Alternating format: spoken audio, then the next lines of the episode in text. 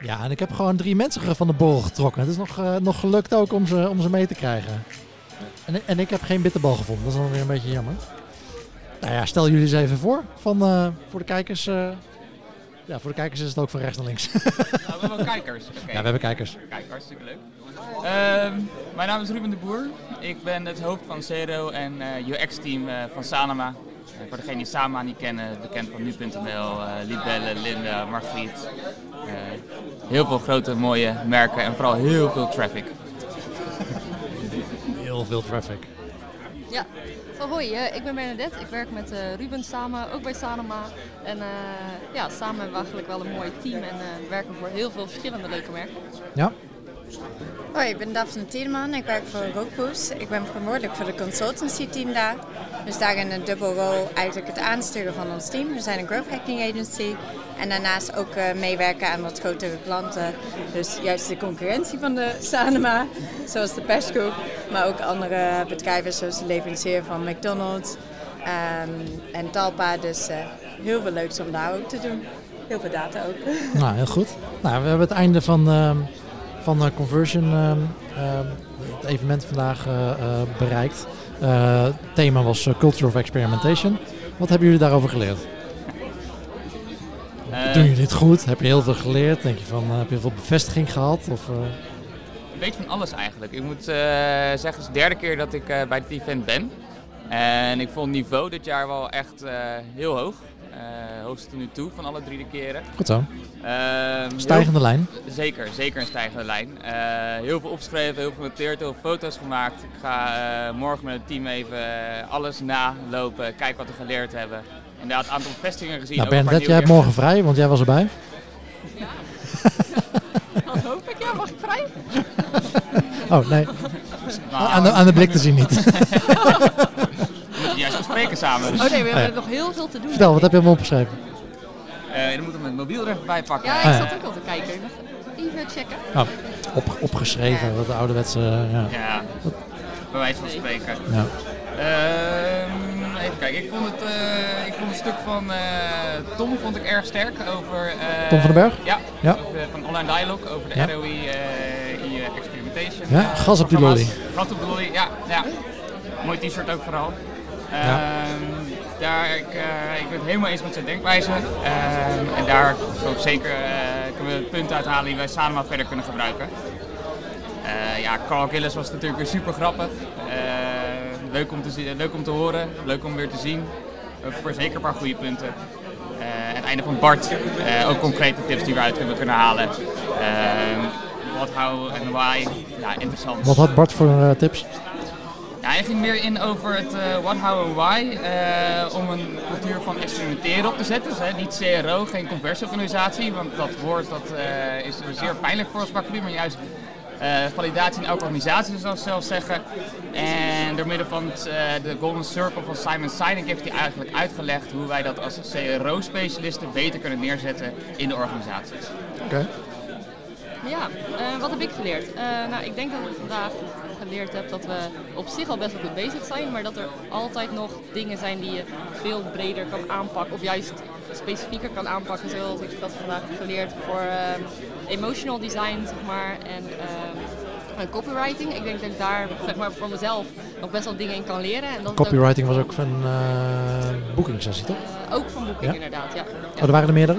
Ja, over copy ging? Oké, ja. ja. Ik weet even de naam niet meer uit mijn hoofd, maar uh, was ook vanochtend. En, uh, en ik vind ook gewoon, ik vond het heel leuk om te leren dat je ook dingen gewoon echt leuk moet maken. Je zit altijd zo in de cijfers en alles moet... Voor, voor jezelf of uh, ja, ook voor, de, voor de klant? Nee, nee, voor de klant, okay. voor de klant inderdaad. Ja, dat je, dat je het echt ook bijvoorbeeld in dat het inloggen ook gewoon leuk kan moeten kunnen zijn. En dat het niet alleen een drempel hoeft te zijn. Ja. Dus uh, ja, die twee dingen sprongen er voor mij uit. Oké, okay, goed. Daphne? Ja, ik vond het fijn om gewoon weer eigenlijk te zien dat Zero niet soort van zeg, eigen afdeling, eigen eilandje moet zijn. Wat, wat ik zelf vind gebeurt nog steeds veel te vaak bij bedrijven. Maar dat het juist echt onderdeel van het hele bedrijf moet zijn om te valideren en om te experimenteren. En dat dat soort van weer bevestigt dat ja, wat wij proberen bij bedrijven te veranderen, dat we ja, de goede kant daarop gaan. Um, daarnaast gewoon heel veel leuke dingen voorbij zien komen. Wat, wat Benedetta zei van over van, uh, hoe copy eigenlijk zo'n grote rol kan spelen. Ook gewoon die basisherinneringen van om hoog over te kijken, customer eerst te zetten. Dus daarin ook gewoon een soort van bevestiging van blijf dit doen en blijf luisteren naar je klant en kijken van slimme manieren. Wat, ook in Carl's presentatie een paar leuke ideeën gekregen over hoe je dus ook feedback van die klant kan krijgen. Dus hij had een voorbeeld van op je bedankpagina uh, daar juist de vorm te uh, zetten, omdat je daar heel veel hogere reactie. Dus ook gewoon met nieuwe ideeën om te testen. En een van de dingen die ook met me denk heel erg mee zou gaan is uh, een van de eerste talks is de cost of inaction. Ik denk dat ehm, heel veel klanten hebben tijd juist nodig om een soort van dingen te implementeren. En die, om hun juist uit te rekenen en te laten zien van oké, ja, je kan deze AB-test pas in een maand live zetten of twee weken live zetten. Dat heeft ook een kost dat zich meebrengt. Of het kost van dat we niet kunnen testen voor de komende periode. En dat veel meer tastbaarder ook maken voor klanten. Ja, volgens mij ook, uh, ik weet niet bij online duidelijk voorbij komt, maar die hebben ook zo'n volgens mij een berekening van wat je dan uh, verliest. Uh, er zijn volgens mij ook genoeg publieke modellen voor waarmee dat kan berekenen dan. Ja, je kan het heel makkelijk berekenen. We focussen altijd op wat brengt deze lift, maar we moeten ook berekenen van wat kost het als we niet iets doen.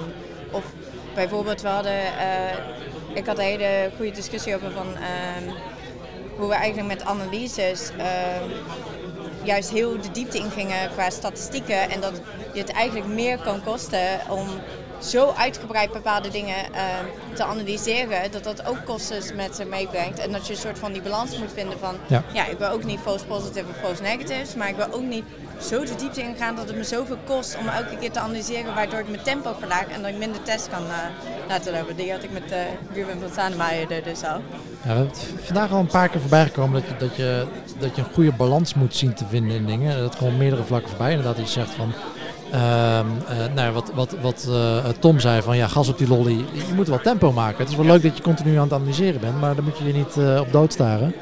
Nee, ik denk dat uh, Tom daar een heel goed punt heeft. Uh, je kan jezelf eigenlijk altijd ja. afvragen: van, moet ik nou nog extra data zitten? Of moet ja. ik die code van mijn test nou net nog wat mooier maken? Of moet het design pixel perfect zijn? Of moet die test gewoon live en heb ik meer tijd over om nog een test en nog een test live te zetten? En hetzelfde met CRO, COC, dat daar een goede balans moet zitten. Van, en dat, dat vinden wij als CRO-specialisten natuurlijk, dat er veel te weinig geld wordt uitgegeven aan CRO en veel te veel aan traffic. De balans daar zoeken is, uiteraard. Uh, maar dat kwam ook al een uh, paar keer voorbij. Ja, je uh, hebt heel erg die argument van quantity versus quality. Gewoon, wil ik meer tests live zetten of wil ik juist een paar hele hoge kwaliteit tests live zetten? En een soort van die balans daarin vinden, dat is heel moeilijk. Omdat op de ene kant wil je ook gewoon niet testen voor de it om gewoon die nummers omhoog te krijgen. Maar tegelijkertijd, als je te veel tijd over spendeert, dan verlies je juist die velocity. En deels van een goede uh, ja, cultuur van experimenteren is gewoon zorgen dat je dingen snel live kan krijgen en dat je die velocity erin krijgt. Ik denk dat het, uh, het deels ook met je maturity als bedrijf en als uh, gewoon CRO-programma te maken heeft. Van waar je, waar je die focus legt. En natuurlijk is de kwaliteit van je testen belangrijk. Maar als je geen testen draait, dan levert het ook niks op. Ja, als jij, als jij uh, elke, ja, elke maand of elk kwartaal een test draait. Uh, je hebt vier tests op een jaar en je hebt een succesratio van 1 op 8. Nou, uh, succes, leg dat maar uit aan je manager. En dat is ook niet heel motiverend voor jezelf natuurlijk. Dat, dat moet gewoon een tempo omhoog. En dat kun je wel heel moeilijk doen over je kwaliteit. Maar begin dan met het tempo opschroeven. Begin met tempo. Begin zorgen gewoon dat je iets gaat testen. En daarna kan je weer tweaken met die kwaliteit en daar de balans in vinden. Vaak met nieuwe klanten gaan we juist gewoon zorgen dat we überhaupt gewoon proberen een AB-test live te krijgen. Al is het niet de grootste of de meeste impact. Maar gewoon om te begrijpen van hoe werkt jullie proces? Waar lopen we tegenaan? Waar verliezen we het meeste tempo? En daarna kunnen we dan echt een soort van in de tussentijd al de data verzamelen om de echte testen verder te gaan doen. Ja, ik heb er ja, en ik denk ook wat Carl Gillis zei, dat uh, zeg maar als je eigenlijk de basis nog niet goed hebt of de basis nog niet hebt getest van je website en je gaat gelijk bijvoorbeeld naar personalization toe of dat soort dingen, dan mis je eigenlijk een heel stuk van je proces die eigenlijk dan, waardoor eigenlijk de kwaliteit van je AB-testen ook achteruit gaat. Dus ik denk dat het ook gewoon belangrijk is en wat ook efficiënt kan zijn, dat je in het begin gewoon echt simpele testen doet. Bijvoorbeeld dat je altijd de kleur van de knoppen al hebt getest of alle teksten hebt getest. Dat je dat al allemaal hebt gehad en dat je daarna pas uh, ja, een stap verder zet in je proces. Dat dat ook heel belangrijk is. Dat, je heel, dat het gevaar is eigenlijk dat je te snel gaat. Doordat je hoort dat iedereen dat al gaat doen. En... Ja, nou ja en, en, dat is ook een beetje de reden dat ik deze podcast ben gestart. dat er hele uh, rare, of rare, eh, het begrijpt ook wel, maar dat, dat er een, een, ehm, een mismatch is tussen wat, wat het beeld dat mensen hebben, wat andere bedrijven aan het doen zijn. op het vlak van AB-testen en personaliseren en helemaal met AI en machine learning. Eh, andere bedrijven zijn er altijd mega ver in, is je, is je beeld. Eh, het valt wel eens eh, misschien wel tegen. Ehm, en door kennis uit te wisselen, in, in ieder geval in de podcast wat cases te laten horen wat, wat mensen daadwerkelijk aan het doen zijn, komen we daar misschien achter en krijgen we een wat beter beeld van. Hey, we hebben wat stellingen voor vandaag. Ehm, en wellicht willen jullie mij eh, indulgen om daar eh, antwoord op te geven. Ehm, Daniel Markers kwam met de stelling: een goed CRO-proces focust op maximale kennisopbrengst. Maximale kennisopbrengst. Wanneer dat lukt, volgt het resultaat vanzelf. Eh, ik denk dat kennisopbrengst zeker een onderschat stuk is bij experimenteren. Eh, vaak doen we AB-test na AB-test na AB-test na AB-test en missen we echt die rode draad. Het werd eerder gezegd in een van de talks, volgens mij van Online Dialog, eh, dat je, ger- als je gedragswetenschappers bij hebt die de rode draad door het test heen hebben, dan, dan bouw je inderdaad heel veel kennis op. En kennis dat heel waardevol is over gedrag van jouw gebruikers, die je kan delen met alle andere eh, collega's en teams in je organisatie. Dus ik weet zeker dat het een van de belangrijkste dingen is. Maar ik sluit me ook graag aan bij Bart dat het stukje happiness en health en eh, het menselijke stuk, dat het ook eh, absoluut niet uitgesloten mag worden binnen CRO. Ja. Maar daarnaast gewoon als je alleen maar op kennis focust, eh, uiteindelijk, wat we ook in de meerdere talks terug hebben zien, je CFO moet uiteindelijk wel die budget goedkeuren. En als jij niet laat zien dat het niet alleen maar kennis opbrengt, maar ook uiteindelijk bottom of the line profit oplevert, dan kan je alles doen wat je wil qua testen, maar ze gaan het op een gegeven moment stopzetten. Dus het is zeker een groot onderdeel. En de meest krachtige tests zijn zeker gebouwd op de kennis die je van de vorige test hebt. En dat je ja, Squeeze the Lemon er net wat meer kan uithalen door daar verder op te bouwen. Maar je moet ook niet vergeten om gewoon de ROI er uiteindelijk te laten zien. En dat ja, de tests die niet winnen, die hebben dingen van geleerd en ook Ja. geïmplementeerd. En voorkomen dat we dingen hebben verspild. Maar wij hebben ook de winst uitgehaald. En eh, hoe gaan jullie daarmee om? Want eh, voor één AB-test is het makkelijk om, of nou, relatief makkelijk, om het resultaat te berekenen. Zeker als het eh, puur online is en je kijkt naar conversie. Eh, lifetime value wordt dan een stuk lastiger. En als we dan kijken, oké, wat heeft ons CRO-programma over een heel jaar opgeleverd?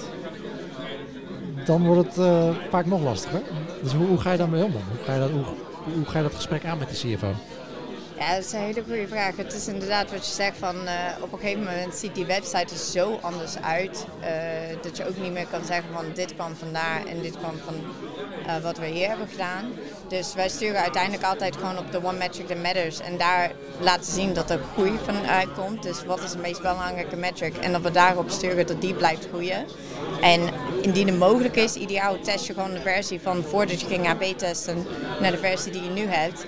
Alleen wat ik ook zei, van ik heb klanten die gewoon twee of drie nieuwe versies van de website in de tussentijd hebben gehad. Dus dat kan je daar niet laten doen. Ja, sowieso kun je Ja. afvragen wat voor zin dat heeft natuurlijk. Want er zijn ook heel veel externe factoren. Dat ook. Eh, of, of veranderend klantgedrag in het algemeen. Eh, als jouw klantgedrag heel anders is dan een jaar geleden. Ja. Of, of I don't know, eh, de concurrentie is heel anders. Of er is een concurrent failliet gegaan. Ja, dan kun je die test wel opnieuw draaien. Als dan levert het ook niks op. Dus het is heel erg dus gewoon zorgen dat ze inzicht krijgen in wat je aan het doen bent. Wat je, welke winst je eruit haalt. Laten zien wat wel en niet werkt. En daar ook gewoon heel eerlijk in zijn. Dus ook winners en losers. En gewoon super simpel houden. Heel visueel laten zien. Dit zijn de verschillende dingen die we hebben getest. Dat ze gewoon elke keer wel ermee meekomt. En dan is er ook een deel vertrouwen daarin. Dat ze door die heel transparant en wat wint en wat niet wint, eh, te laten zien dat ze ook vertrouwen dat het een goede investering is. Omdat je ook laat zien als het niet werkt. Ja. Ruben, ik heb een vraagje voor je. Ehm, bij Sanema hebben we natuurlijk ontzettend veel merken. Ja. Ehm, met hele andere doelgroepen. Ja. Ehm, hoe zorg je er nou voor dat als je een testprogramma hebt, dat, dat die kennis uitgewisseld wordt en dat, dat die kennis überhaupt herbruikbaar is over die, over die merken. En, en dat je dat, dat, je juist gebruik kan maken van die kracht. Wat je zegt, we hebben bakken met traffic. Ehm, ja, als die bak met traffic verdeeld is over eh 80.000 websites.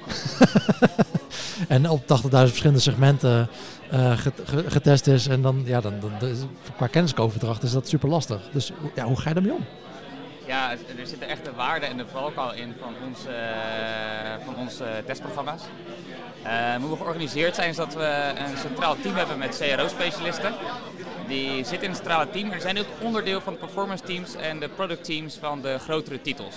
En de grotere titels zijn echt de websites die wel binnen de top 20 qua traffic van Nederland horen. Um, dus dan heb je een soort matrix-organisatie. Ja. een centraal team en ze zitten ook lokaal of, uh, bij, dat, bij dat merk. Ja, klopt. klopt. Um, en we zien het steeds meer titels ook zelf testen gaan opzetten waar wij dan bij, ja, die buiten ons om opgezet worden. Dat is hartstikke goede, ja, heel, heel fijn. Uh, maar met het centrale team bespreken we wel elke test. we, hebben, we gebruiken er effective experiments voor. Ik denk een mooi bruggetje. Ja, super mooi. Ja, wij gaan er een keer een aflevering over doen, toch? Ja. Nee, we, we, bespreken elke test. We challengen ook elkaar om die confirmation bias uh, een beetje op te vangen. Uh, maar de valkuil zit het erin dat we best wel testen zien die uh, bij titels van Bernadette kunnen werken. En als ik die herhaal, dan zie ik het tegenovergestelde effect op mijn titels.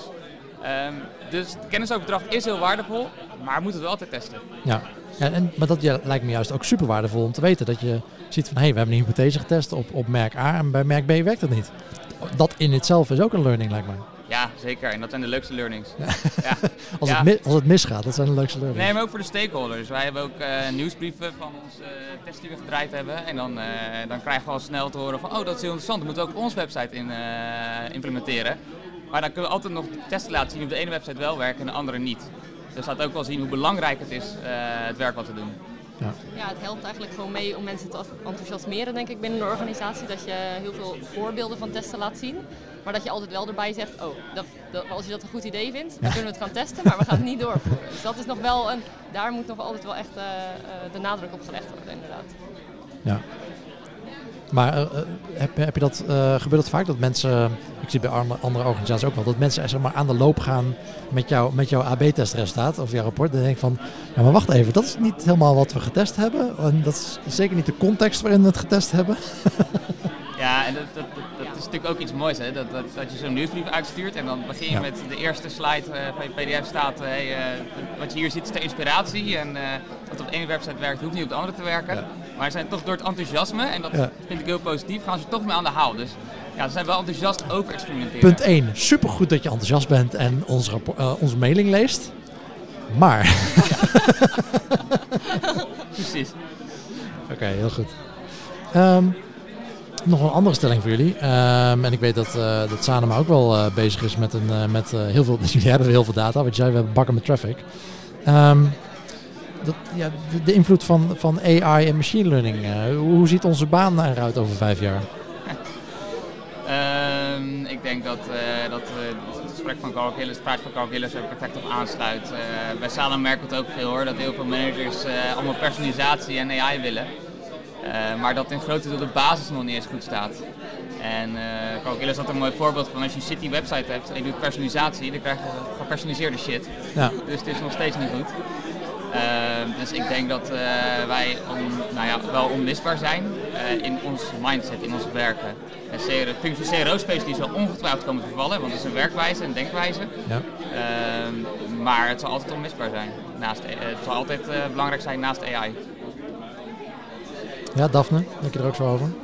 Ja, zeker. Ik bedoel, je kan heel veel dingen automatiseren. Je kan heel veel dingen uh, dat je niet meer hoeft te doen. En dat zien we sowieso van... We proberen zoveel mogelijk te automatiseren, zodat elke uur die een klant bij ons afneemt, ze zoveel mogelijk waarde eruit halen. Maar die strategische denken, wat ja, eigenlijk ook het meest waardevol is uh, in een goede CRO-specialist, dat het niet iets wat je volledig kan automatiseren of even overlaten aan een AI. Dus het zal zeker een grotere rol spelen. Um, maar... ik, denk, ik voor de meeste mensen, wat ik, wat ik nu hoor, wat ik ook in de vorige sessie hoorde, dat, dat hetgeen wat wegvalt, zijn juist de, dingen die we eigenlijk allemaal ook niet zo heel erg leuk vinden. Ja, precies. dus eigenlijk, eigenlijk misschien wel fijn als er machine learning en, en meer AI komt, dat het gewoon kan helpen.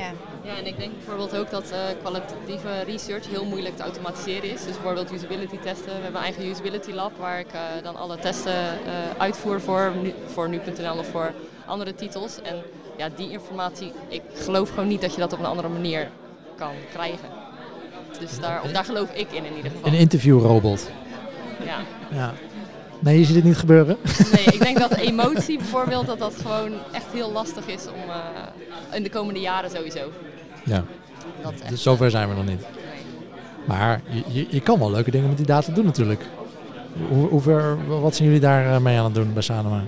We hebben onlangs een eh, proef gedraaid met eh, Sentient Ascent. Ja, dat, net- wat, dat heet nu Evolve. Ja, ik wil het zeggen, Ja? we zijn net overgenomen. Ja? Eh, en dat was een, interessante, was een interessante test. Ja? En we zijn nu aan het analyseren of dat een vervolg gaat krijgen of niet. Oké. Ja. Ja, en voor, verder, ja, verder hebben we een eigen data science team eh, die eh, ook algoritmes en dergelijke en AI bouwt. En daar werken we gewoon eh, nauw mee samen. ja, want in jullie advertentienetwerk wordt het al volop gebruikt natuurlijk. Nu nog inzet op de websites. Precies. Het, het zit al in het bedrijf, dat, dat, dat scheelt al. Ja, Ja, ja. Hey, ehm, ehm, met die bakken met data, en dat, dat zul je op meerdere websites terugzien. Eh, waar we het vandaag een paar keer over gehad hebben, is, eh, is de diversiteit. Ehm, als je zo'n enorme doelgroep hebt, nou, met nu.nl eh, heb, je, heb je 80% van Nederland eh, wel te pakken, eh, minimaal denk ik. Ehm, hoe zorgen we er nou voor dat, dat die website aansluit bij die doelgroep? Ook omdat we, wij zijn degene we zijn gemiddeld al wat hoger opgeleid natuurlijk. We zitten in ons eigen teampje daar op het werk. En wij kijken naar die data. Wij zijn degene die die varianten bedenken. Misschien over vijf jaar bedenkt de AI die varianten. Maar de vraag is of dat beter is. Eh, maar dat is een enorm divers publiek wat je daarmee aanspreekt. Ehm, dus hoe zorgen we er nou voor dat, dat wij daar ook die varianten voor maken? En dat wij daar ehm, op in kunnen spelen. En, en de aanleiding van deze vraag eh, was eigenlijk dat ik vanmorgen zat ik naar BNR te luisteren. Eh, en er was een onderzoekje van ehm, de Sociaal-Economische Raad dat eh 2,5 miljoen volwassene mensen laaggeletterd zijn. Ja, dat is een enorm aantal natuurlijk. Eh, en eh, nou ja, het percentage, nou, zeker als je gewoon een algemene doelgroep aanspreekt, dat percentage van de Nederlandse bevolking, als dat op jouw website zit, eh, dat, is een, dat is een fors deel. Nu, is, nu is taal maar een voorbeeldje van, van diversiteit of, of, of, van limitatie die mensen kunnen hebben. Ehm, ja, hoe ga je daarmee om? Ik verwacht niet een direct een antwoord op, maar no worries. Goed naar de data Wie, wie, wil? Goed naar de data kijken, goed naar je gebruikers luisteren en onderzoeken. En, en, maar hoe, hoe zorg je ervoor in je onderzoek dan dat je die, dat je, die, dat je die bias eruit haalt? Dat, je, dat, je, dat het divers genoeg is. Ja, dat, dat is een mooie uitdaging. Ja. ja. Ja, en ik denk dat het ook, eh, ook een punt is zeg maar, wat je organisatie wil. Want sommige orga- organisaties willen bijvoorbeeld eh, gewoon één website en willen niet voor verschillende eh, sources zeg maar, andere eh, layouts laten zien of aanpassen. Dus ik denk dat je daar ook eh, ja, rekening mee moet houden wat het doel Ja. is van de website en hoeveel je kan veranderen. Nou ja, en dan zeg je, ja, het is leuk dat je dat niet wil, maar ik heb het getest. Eh, we gaan met gemak 10 miljoen meer verdienen als we het wel doen. Ja, dan, eh, dan heb je een goede case, denk ik. maar ja, dat is nog wel lastig te vinden, denk ik. Zulke cases. Ja. En ik weet, ik. En ehm, het is sowieso lastig met het, met het vinden van, van die proefpersonen natuurlijk. Want eh dat had ik net ook met uh, Jurjen van Vonk. Die zei van ja, we doen heel veel onderzoek. eh, en daar eh, doen we gewoon een poll op de website. Nou, schrijven, in twee weken schrijven 300 mensen erin. En die kan ik dan gebruiken voor het, eh, voor het gebruikersonderzoek. Dus nou, dikke kans dat die 2,5 miljoen daar niet in zitten. Nee. Of, of, of een andere doelgroep. Er zit al een bias in die groep natuurlijk. En ook met de mensen die je uitnodigt in je, in je lab zit al een, een bias. Dat is al eh, lastiger. Ik weet nog wel van, van onderzoeksbureaus. Nou, ik zal geen namen noemen, maar die, die gewoon hun werving hebben aangepast van proefpersonen. Omdat eh, hun klanten, zeg maar, eh, van dat onderzoeksbureau, die vonden de proefpersonen te dom. Ja, dat is. Dat, dat kan toch niet eigenlijk? Nee, maar dan, dan denk je van de eerste, de eerste twee mensen denk je van, nou ja, die, die zijn, eh, ja, die, die zijn proefpersonen, die zijn gewoon dom. Het ligt niet aan de website, het ligt aan de proefpersoon. Maar ja, en dan, eh, als je dan twee, twee, drie dagen aan het testen bent met twintig man, dan denk je van, ja, misschien ligt het toch aan die website. Gewoon ook eh, goed rekening mee houden van ja, wat zijn de verschillende opleidingsniveaus van de mensen die naar onze website gaan en daar gewoon Ja. echt een diverse in doen. Dus dat gaat echt heel erg over die vragen die je stelt voordat je juist de selectie van proefpersonen kiezen. Om te zorgen dat je daar ook gewoon eerlijk in bent om verschillende mensen die je doelgroep laat tonen. En uiteindelijk als je inderdaad niet meer dan één website kan doen, dan moet je ook gewoon kijken van wat zijn dan de 20% die 80% leveren hiervan. En zorgen dat je in ieder geval voor hun wel een goede website Ja. opzet. En als het niveau daarvan lager is, dan moet je ook je website daaraan aanpassen. Ja. Als dat waar 80% van je omzet uitkomt.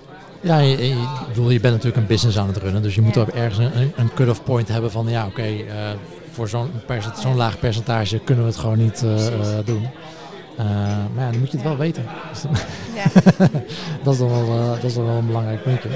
Ehm, Ik wil, eh, ik wil Jorien ook nog een keer eh, over spreken. Want wij doen juist Ja. niet eh, mensen zelf eh, recruiten voor Ja. usability testen. Juist omdat je best wel het risico loopt dat je fans krijgt. ja. En we hebben best wel nou meegemaakt ja. dat dat titels het wel zelf doen. Ik denk dat 10% van onze usability testen, usability testen gebeurt. Ja. Ja, die vinden alles mooi, want dat is een fan. Ja, precies. Nou ja, ik zei dat tegen jullie. Het is ook wel juist interessant eh, om die mensen uit te nodigen die een probleem hebben gehad met je klantenservice. Ja, Dat ja. kan juist wel interessant zijn. Maar al- als dat specifiek voor die test is natuurlijk. Maar het risico loop je wel natuurlijk. En ik denk dat je als, eh, als Sanoma heb je denk ik wel het grote voordeel. eh, je kan allemaal verschillende websites testen, maar Sanoma, als mensen de naam al kennen, ehm, dat, dat staat niet voor een bepaalde website. Dat is niet wat je, aan, je bent niet de Sanoma website aan het testen. Je bent nu.nl aan het testen of, of een van die andere merken. Dus die, die bias heb je al wat minder, denk ik. Maar als je het Vonk kantoor binnenloopt, of bol.com kantoor binnenloopt, en daar een usability test gaat doen, dan, ben- dan is die bias alweer wat, eh, wat erger. Ja. Nou, we hebben ook voor één klant eigenlijk juist, we gebruikten wel onze eigen database, maar juist door naar die data te kijken gezorgd van, we hebben mensen gekozen die nooit een account hadden aangemaakt, maar alleen op de e-mailadres stonden, nooit iets hadden gekocht.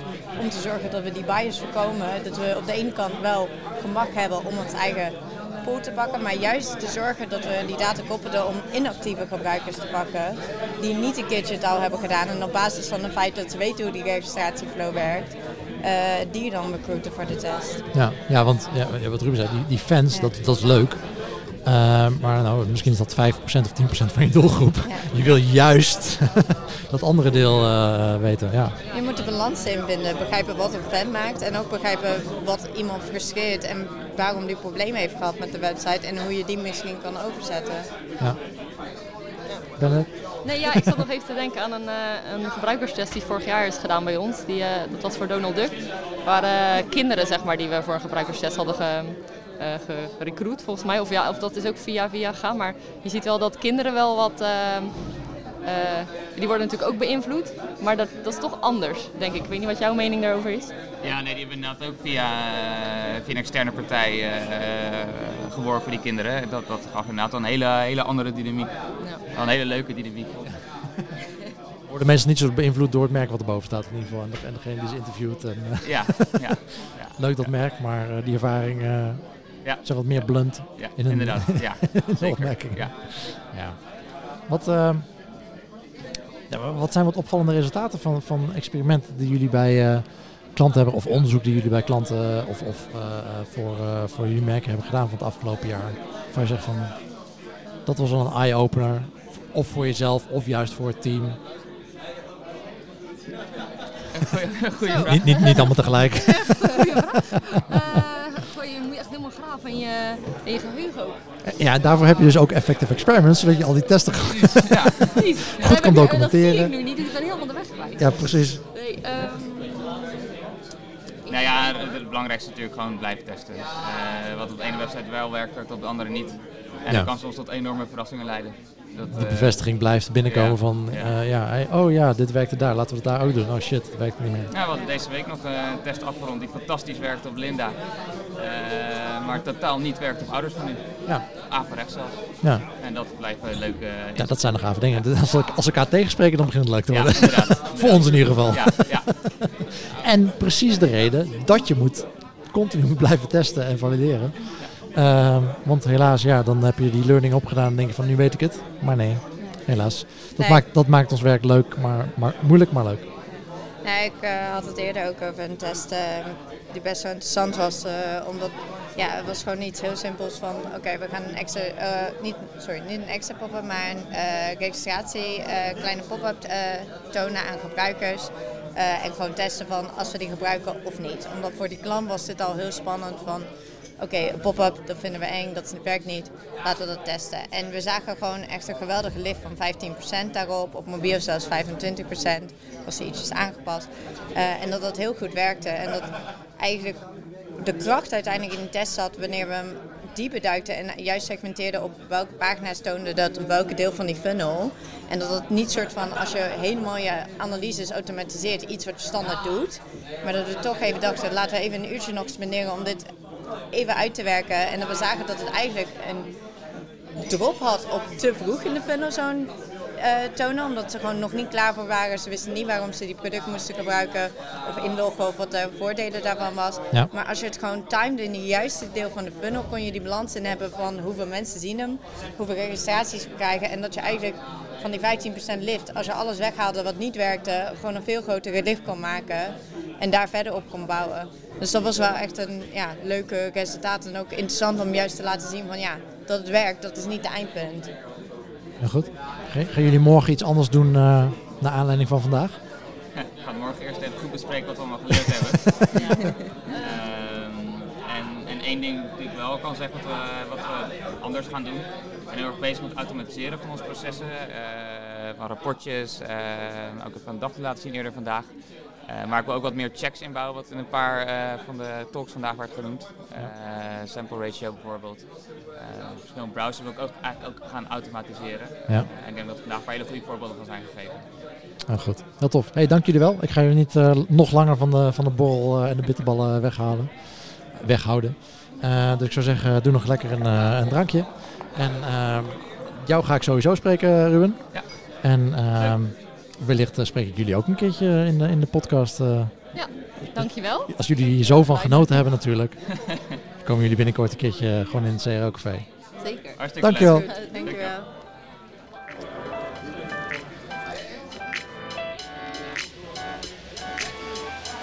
En dat was het CRO Café live voor vandaag. Dank aan Immers, uiteraard, voor het hosten dat we hier überhaupt mochten staan en konden staan. En eh van alle eh, sprekers gebruik mochten maken om ze eh, ja, aan de tand te voelen. En te kijken waar ze het over, over hebben. Ehm, alle sprekers bedankt voor, voor jullie deelname. De sessies komen sowieso los in de podcast terug. Dat zal ergens volgende week of die week erna zijn. Ehm, abonneer- abonneren op de podcast kan dus via Soundcloud, iTunes, Spotify, Google Podcast. Een hele range aan apps. Schrijf je in en je wordt automatisch op de hoogte gehouden van nieuwe afleveringen. Volgende week is er weer een reguliere podcast. Eh, dan praat ik met Amber Taal van Riksha Travel. Zij is eh, vorig jaar zomer begonnen met het optimaliseren van, van hun website. Ze was de, als eh, eerste CRO-specialist daar aan de slag gegaan. En eh, ja, met haar bespreken van ja, waar begin je dan? Hoe, hoe begin je aan zo'n eh, project? Hoe krijg je de organisatie mee? Eh, een hele interessante sessie geworden, dus die komt volgende week live. Ehm, spreek je graag dan en tot dan. And always be optimizing.